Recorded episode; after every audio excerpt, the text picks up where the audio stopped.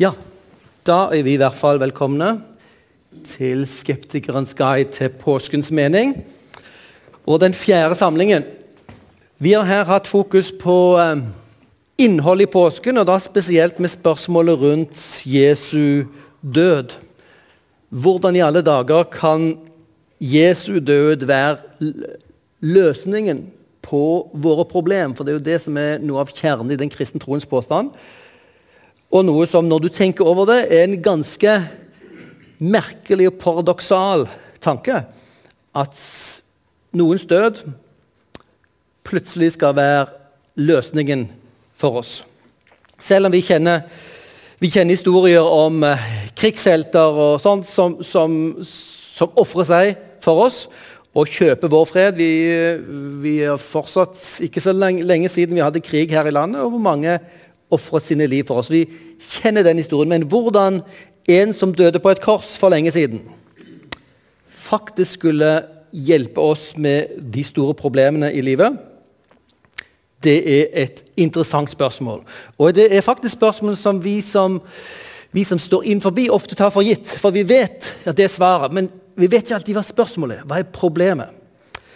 Så hva er poenget med Jesu død? Vi så, um, den første samlingen så, så vi på temaet med dødskreftene. Hvordan Jesu død oppstandelse på en, på, en, på en, dyp måte møter de dødskreftene, de, død, de, kreftene som drar oss inn i død og fordervelse. Um, Bl.a. våre egne avguder, vår eget ego. Hvordan Jesu død oppstandelse faktisk var en respons og et svar på de. Vi eh, hadde på den andre samlingen fokuset på problemet med oss selv. Vårt dypeste problem er oss selv. Eh, og hvordan Jesu død eh, og oppstandelse er en løsning på det grunnleggende problemet. Og så så vi forrige gang på problemet med Gud selv.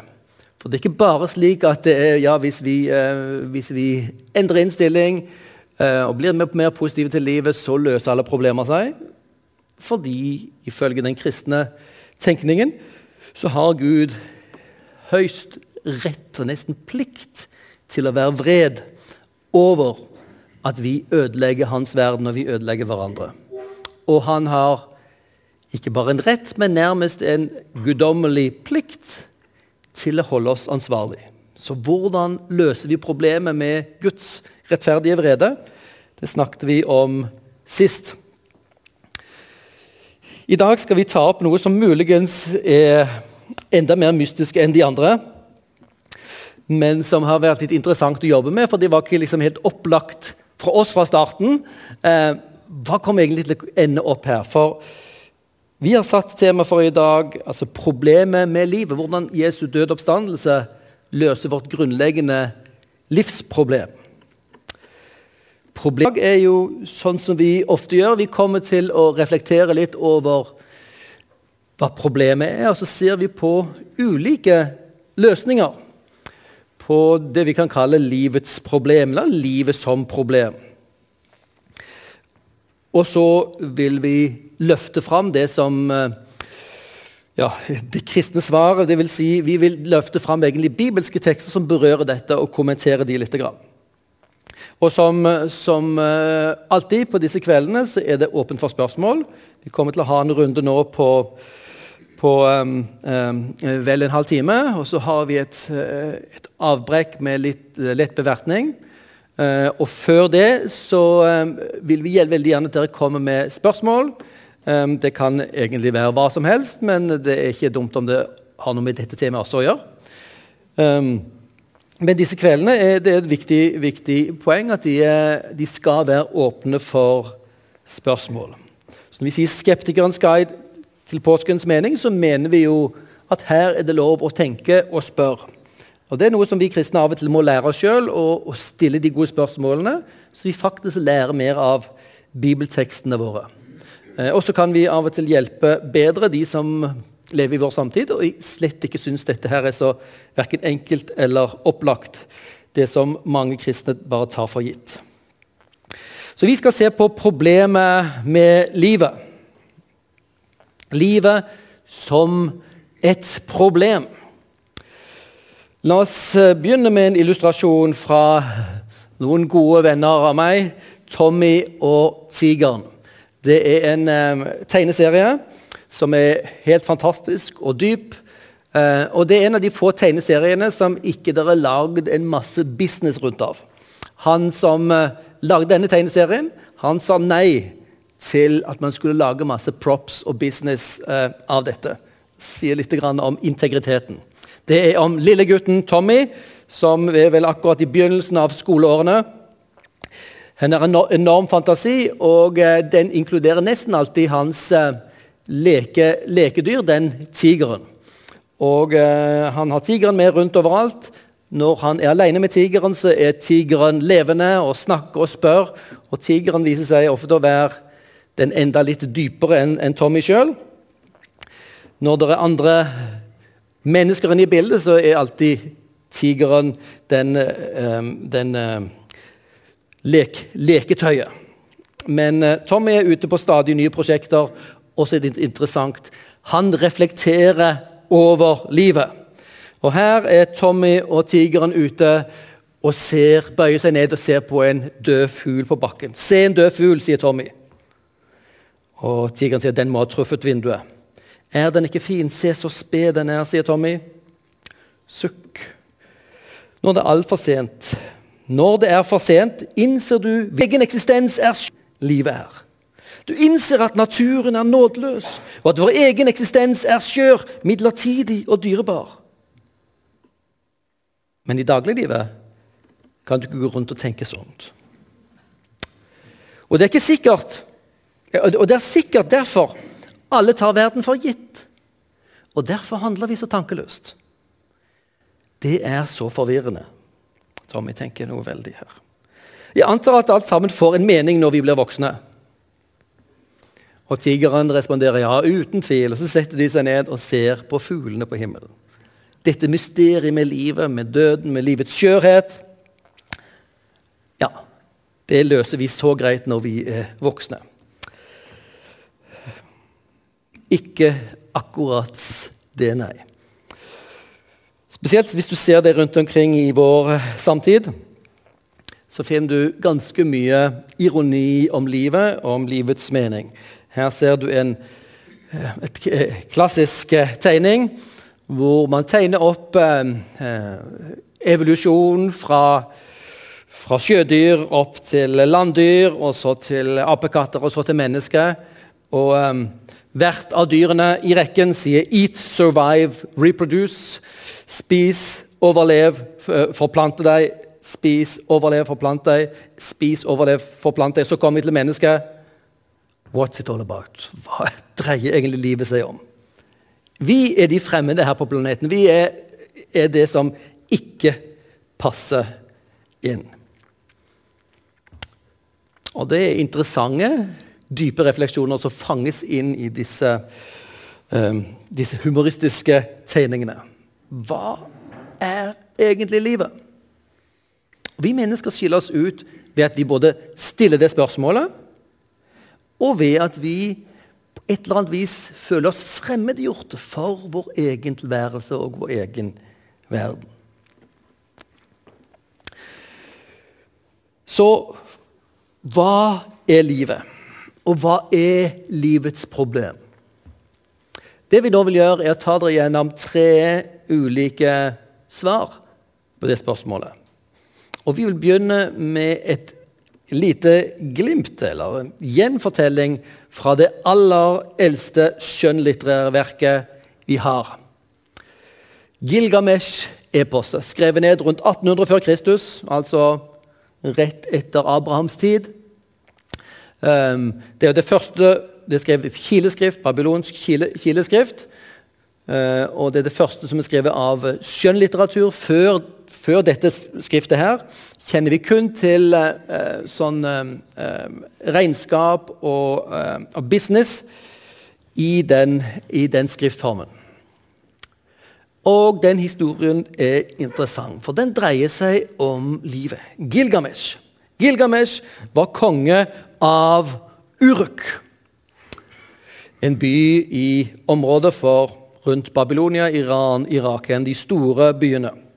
Han var to tredjedel Gud, en tredjedel menneske. Skillet mellom guder og mennesker i den og i de kulturene rundt Middelhavet var ikke absolutte, sånn som vi finner i Bibelen. Um, enten er du Gud, eller så er du skapning. I dette universet så kan du være gradert Gud og menneske. Og Kongen av Uruk var to tredjedels Gud, hvilket betyr han var utrolig mektig og sterk, beryktet. Han var vill og brutal som konge. Han var som en vill også. Og til og med gudene ble bekymret over denne, denne villskapende brutaliteten. Og så er det en av gudene som kommer på en idé. Han skaper villmannen Enkido, som kanskje skulle kunne temme Gilgamesh. Og Gilgamesh hører om dette monsteret av en villmann som, som, eh, som, løper rundt i skogen og, og dreper. Um, og uh, han er jo litt interessert i å prøve krefter og måle krefter med en kido. Og så gjelder det da å få en kido inn til byen Urok, hvor Gilgamesh er, så de kan få se hvem som er den sterkeste.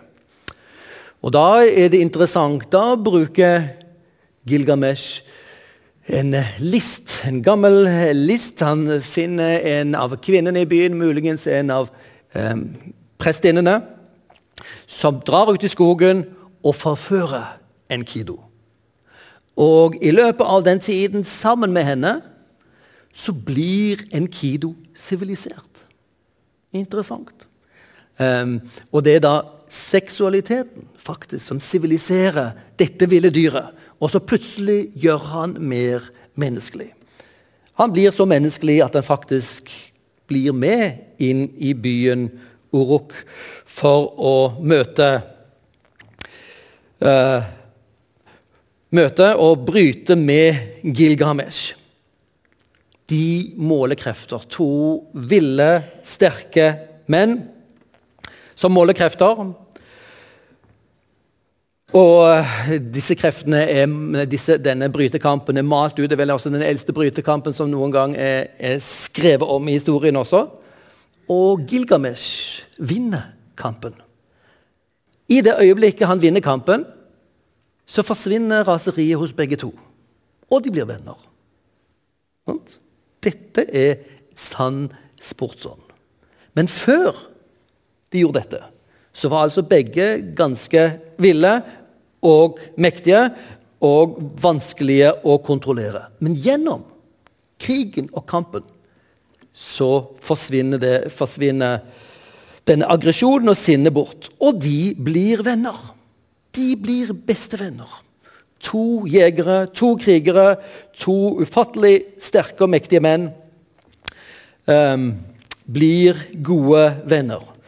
De bestemmer seg for å gå ut i skogen og ta fatt på den mektige demonen Humbaba. Og det greier de. Som de to mektige jegerne de er, så går de inn i skogen og dreper Humbaba for at Gilgamesh sitt navn skal leve evig. Her var det snakk om ære, eh, og kongens eh, eh, navn det var det som skulle gi han slags hvert fall, evig, hvert fall en evig ære. Og Når han da kommer tilbake igjen, og det ryktes denne bragden som Gilgamesh og Enkidu har gjort, så er det noen av gudene Det er Ishtar, som tilsvarer omtrent Eros på gresk, altså en fruktbarhetsgudinne, eh, som blir helt fortapt i Gilgamesh. Og hun eh, er ikke passiv, så hun prøver å, å, eh, å, be han om hans hånd, om han vil gifte seg. Og det dramatiske er at Kilgamesh avviser gudinnen, kjærlighetsgudinnen Ishtar. Da skjer det dramatiske. Når Gilgamesh avviser Ishtar, så dreper hun Enkido. Gilgamesh sin beste venn, kompanjong, medjeger. Og Gilgamesh får en stor sorg og der plantes hans frykt for døden og hans lengsel etter udødelighet. Etter tapet av bestevennen sin så begynner Gilgamesh den berømte jakten på udødelighet. Og Det er kanskje den mest berømte delen av dette eposet, som faktisk gikk på norske Teatret for noen år siden. Hans jakt på udødelighet brakte han bl.a. i kontakt med en eh, person som heter Utnapishtim.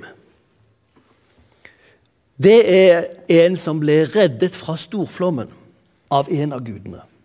Altså Det er da si, den babylonske versjonen av eh, Noah. Og Utnapishtim var blitt gjort guddommelig, og Gilgamesh var der for å forsøke selv å oppnå guddommelighet. Utnapistim ga eh, Gilgamesh noen tester sant? for å se om han kunne bestå testene for å bli guddommelig, og han består ikke prøvene. Men han får vite om at det finnes en plante i bunnen av sjøen eh, som kan han, gjøre han ung igjen. En ungdomskilde. Og han finner denne planten.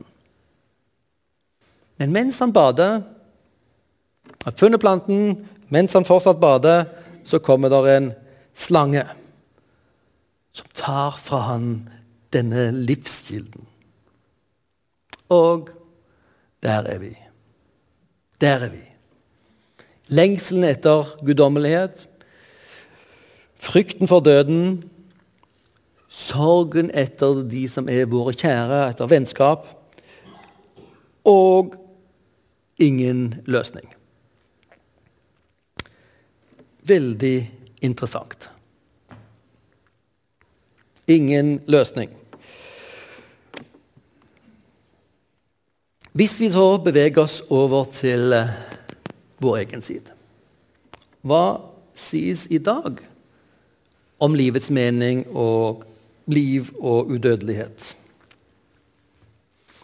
Vi er ikke så veldig langt unna. Vi har ikke de samme fortellingene, men vi er ikke så veldig langt unna.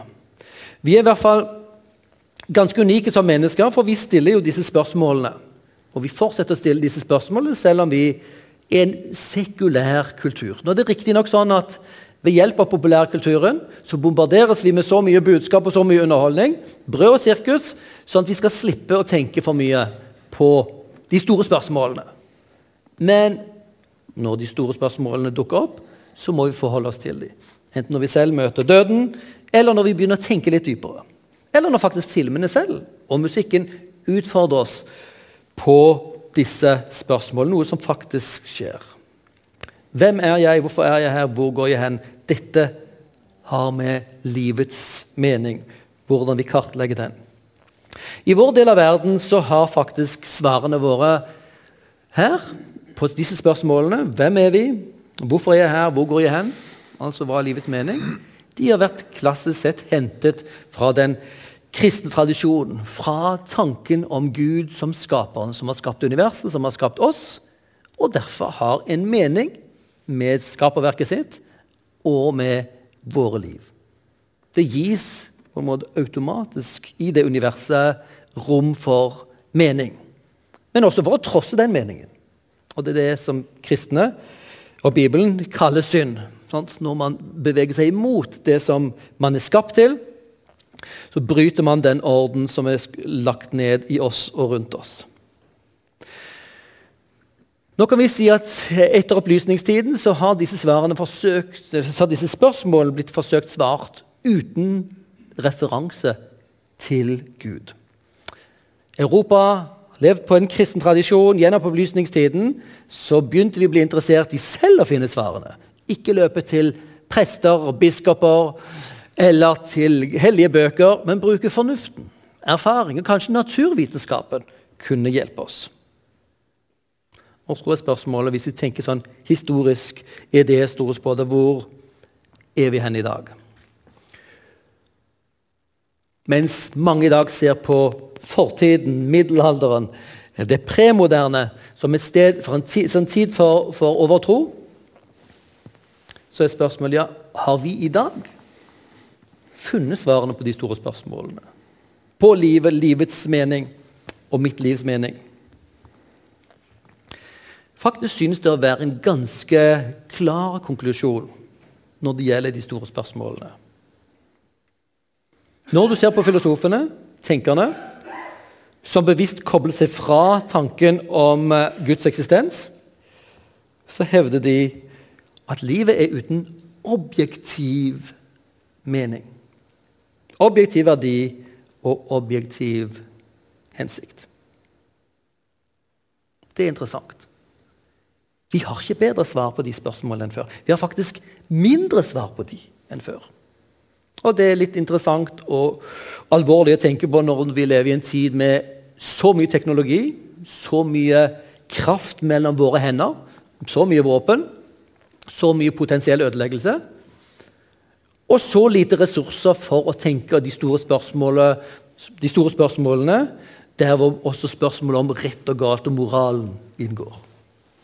Mye større ansvar, mye større potensial for ødeleggelse og mindre ressurser for moralsk refleksjon.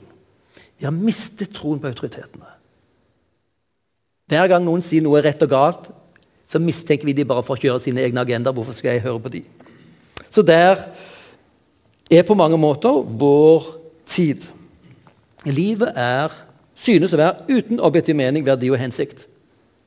Men merk dere at forutsetningen er at vi allerede har forlatt tanken om at det finnes en Gud, som var det som var kilden for de gamle svarene. La meg bare nevne et par eksempler her. Noen av oss uh, liker uh, disse komikerne veldig godt. En klassiker, Monty Python, en gruppe faktisk engelske akademikere. De var meget uh, skarpskodde akademisk, gikk på Oxford og Cambridge. Um, og lagde fantastiske uh, komiserier. Og bl.a. noen store. Um, 'Life of Brian' vil noen dere kjenne, var kristne protester, dessverre, når den kom opp. Noen oppfattet det som et hån mot Jesus, men det var faktisk um, mye mer latterliggjøring av religion generelt enn det egentlig var Jesus. Og denne filmen her, 'The Meaning of Life'. Og gjennom denne filmen så driver de enormt gjøn med tanken om livet har mening. Fra fødsel, oppvekst, modning, ekteskap, aldring, død. Alle forsøk på mening gjøres fullstendig til latter. Faktisk er dette her litt sånn som som boken 'Forkynneren' i Det gamle testamentet. Som var rundt og så overalt etter mening, men alt, overalt hvor han søkte, nei, så fant han ut det ga ikke det han søkte. The meaning of life, det er absurd. Livet er helt komplett latterlig. Uhyre interessant og morsom, eh, spesielt hvis du har den typen britisk humor. Dette var en stor eh, hit på, um, for noen tiår siden. 'The Hitchhiker's Guide to the Galaxy'. Um, hva heter det for noe på norsk? Um, hitchhiker Hikerens, eller den reisendes guide til galaksen. Uh, filmen begynner med at, uh, at, at, noen holder på å, å, å, ville ha vekk huset hans. og Det viser seg at det er en annen galakse som skal lage en motorvei akkurat der hvor jorden er, så hele jorden må fjernes. Uh, dermed han, blir han introdusert til de større deler av galaksen. På et veldig interessant punkt i, i denne filmen så møter vi fortellingen om eh, Det beveger seg millioner av år frem og tilbake.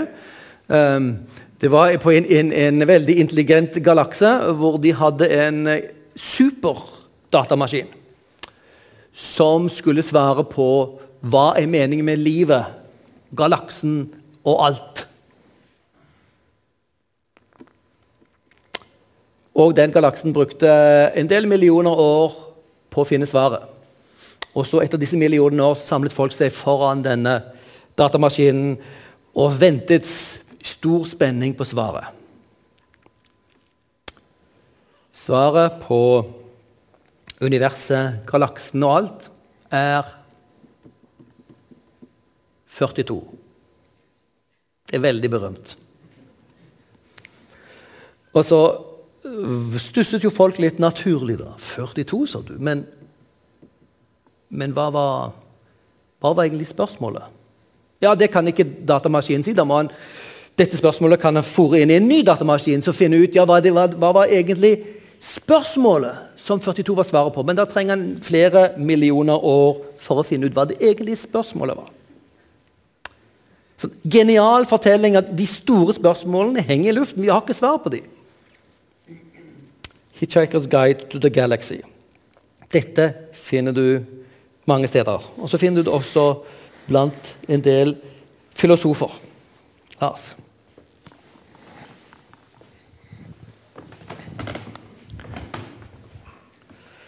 Ja, da faller det på min lodd å gå litt i dybden etter Bjørn har vært i overflaten her. Ja. Eh, så det er jo fascinerende at i kulturen vår så er eh, populærkulturen, sant? Eh, musikken, kinofilmene, TV-seriene, dikter De gjenspeiler ofte det som sies av tenkere. En av de mest interessante tenkerne eh, det, eh, på 1900-tallet var den franske filosofen Albert Camus. Han er en av de såkalte eksistensialistene sammen med Jean-Paul Sartre. Og han snakket om eh, konflikten mellom eh, menneskets lengsel etter betydning, mening og klarhet. Altså På ene sida så lengter mennesket. Vi lengter etter å finne at vi betyr noe. At det er mening. At det faktisk går an å forstå noe klarhet. Og andre sida så Universet, når vi begynner å søke, så er det taust. Det er kaldt. Det er ingenting å finne. Livet er taust. Ser vi denne dype spenningen mellom disse to tingene? Og da er det jo sånn at, at uh, ifølge han så, så var det mange som flyktet fra denne spenningen ved å flykte inn i religion. Tanken er da at religionen er en flukt unna erkjennelsen av at det er absurd. Mens friheten, ifølge Camus, ligger i å erkjenne at tilværelsen har ikke mening. Tankevekkende. Veldig dystert, egentlig. Ikke sant? Veldig mørke farger dette tegnes med. Eh, og noe av det samme sa de andre såkalte eksistensielle filosofene. Eh, og De sa på en måte at universet er meningsløst, og så må vi foreta valg. Men de valgene skaper ikke mening utenfor oss. Det skaper bare en følt mening inni oss. Går vi litt før i tida, så har vi den kjente russiske forfatteren eh, Fjodor Dostojevskij. Eh, skrevet en rekke kjente, svære, disse svære, tjukke romanene. Sånn, 'Krig og fred' og 'Brødrene Kara, Karamazov' osv.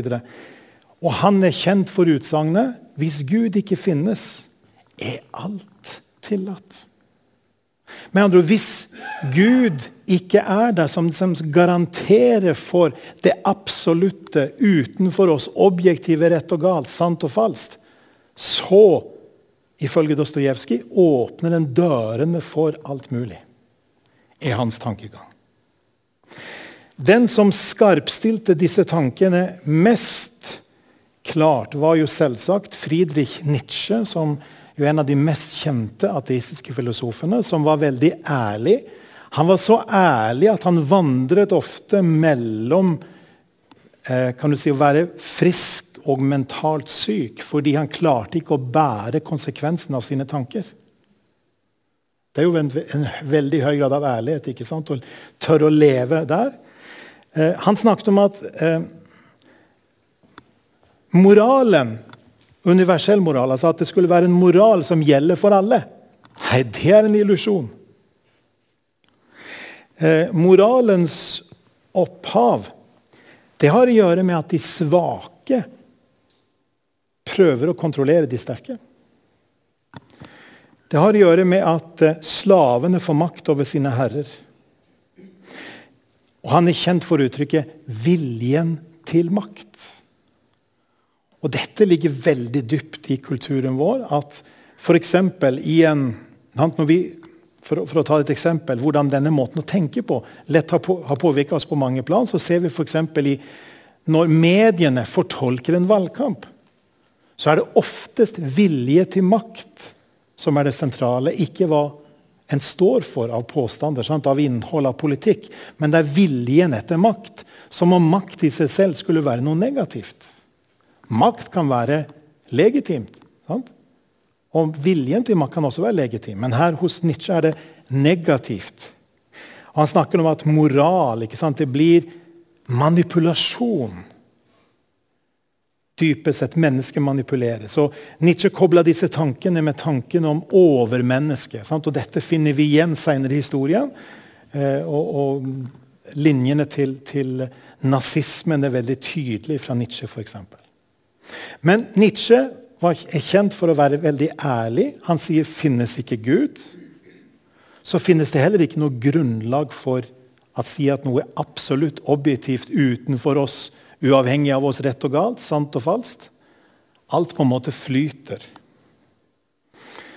Og så er det noen kristne tenkere som, som, har prøvd å sette ord på dette. Og egentlig er det mange ateistiske tenkere også som, som sier dette. Og det første vi kan si, i pakt med Nietzsche, da, er at Dersom Gud ikke eksisterer, så vil alt menneskeliv og ethvert menneske til slutt forsvinne. Så døden er altså det å slutte å eksistere. Det finnes ingenting etter livet. Udødelighet sant, er ikke der. Men en forsvinner så å si etter døden. Med andre ord så er det snakk om at vi som univers, hele universet, menneskeheten og vi som enkeltmennesker, vi går i møte med en død som skrur av alt. Ingenting etter døden. Dermed så er jo konsekvensen selvsagt at vi som enkeltmennesker gjør jo egentlig ikke noen forskjell. Fordi Gud ikke eksisterer, så finnes det ikke noen forankring for menneskelivet. Og Naturlig følge av dette er at dersom det ikke er noen Gud og ikke noe liv etter døden, så har livet verken objektiv mening, verdi eller hensikt. Med objektiv mener vi altså at vi er subjekter, personer. Objektiv betyr utenfor oss. Så livet har ingen mening uavhengig av oss.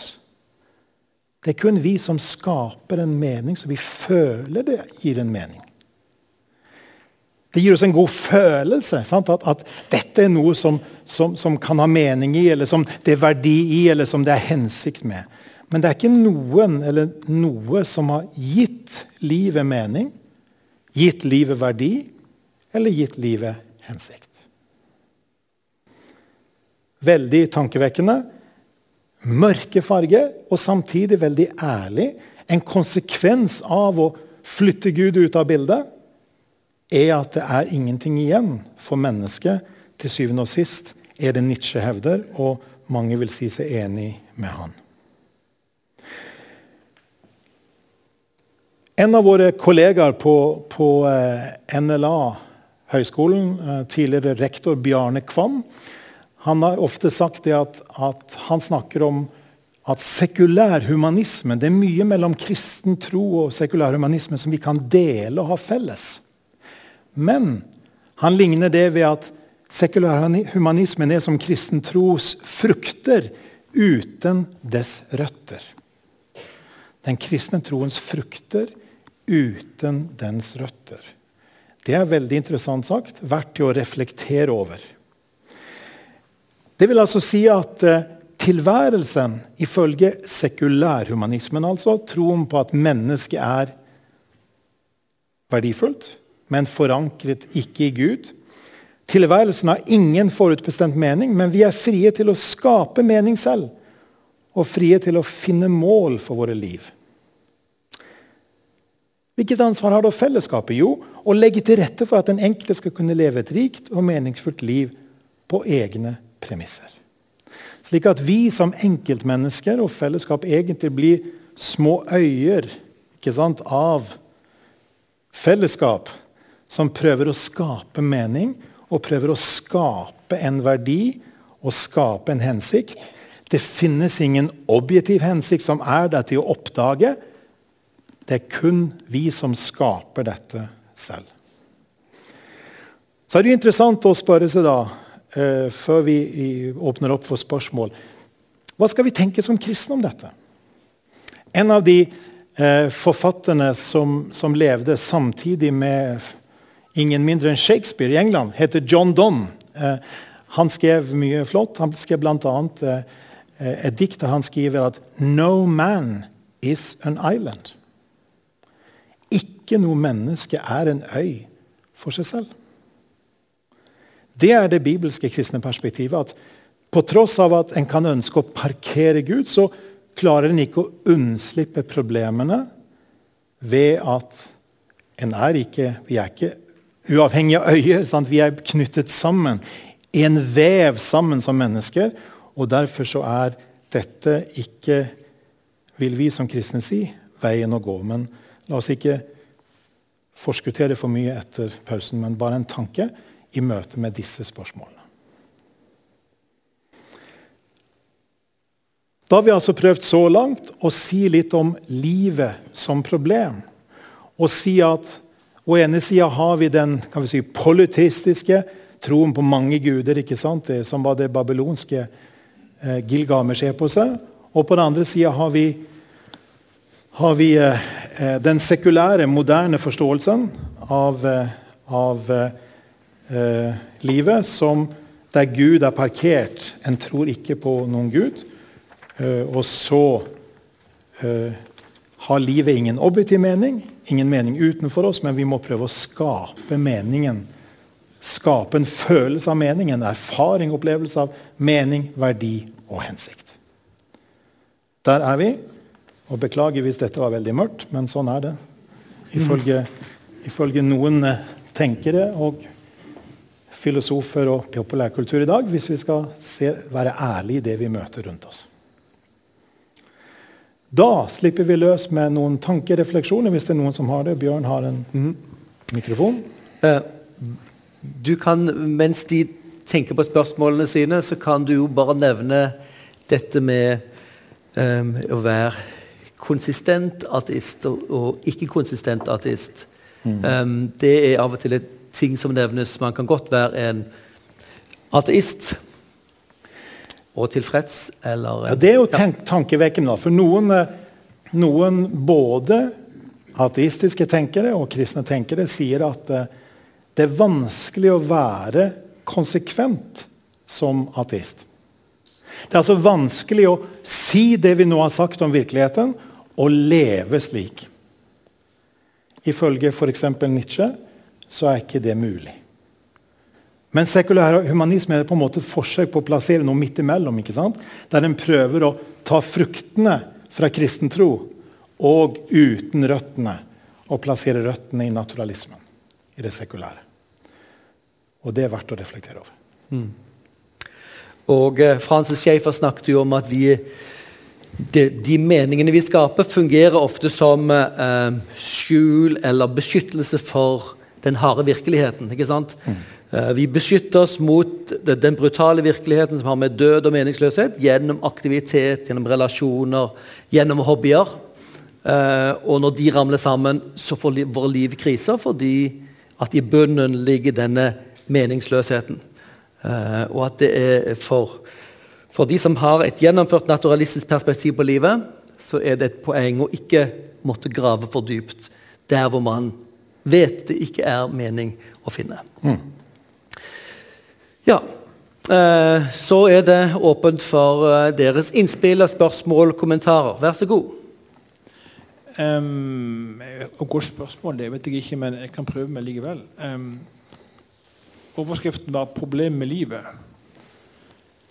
Og det har vi snakket om, eller fått en innledning på. Men jeg tenker på Som kristen må du kanskje spørre problem med døden. Det Altså implisitt problem med livet er faktisk et problem med døden. Um, for ingen av de her uh, filosofene som blir nevnt her, har nevnt døden som et problem. Og der har jeg ikke hørt noe svar på. Hva sier de til det? Hva slags svar har de på døden? Kanskje problemet med livet, men hva med problemet med døden? Mm. Mm, takk.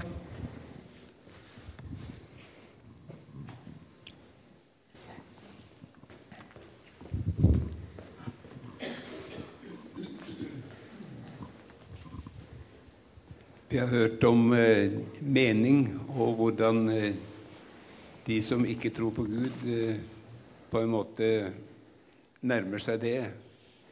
Eh, jeg kunne godt tenke, eh, tenke, meg at du sa litt også om hva de tenker om et sånt begrep som ansvar. Og et annet begrep kjærlighet. Hvis det ikke er noen Gud. Alt er tilfeldig. Takk.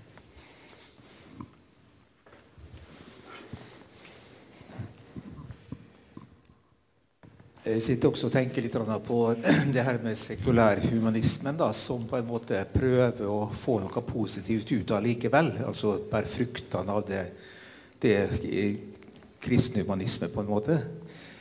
Ehm, eh, men problemet her er jo det at eh, at når man skal prøve å gjøre eller ja, ta ansvar for å, for å skape et rikt og meningsfullt liv på egne premisser, da er det jo veldig fort at de premissene endrer seg. Og hva tenker de om det? Eh, for eh, det ser vi da at hva som er rett og galt, det flytter på seg. Grensene flytter på seg. Eh, og hvor vil det føre hen? Altså, det virker som at de vil ha en ansvarlig liv og best mulig meningsfylt liv, men allikevel så er det på et sånt grunnlag som gjør at alt flyter. Virker det som? Hva, hva tenker de om det?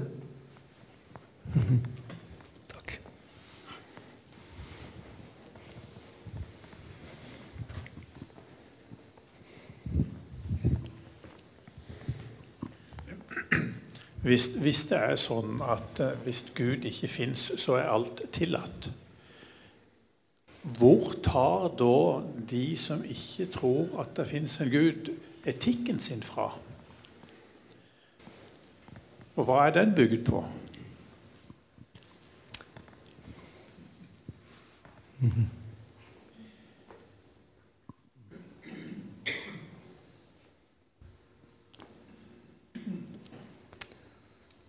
Så var Siste, siste sjansen i vår.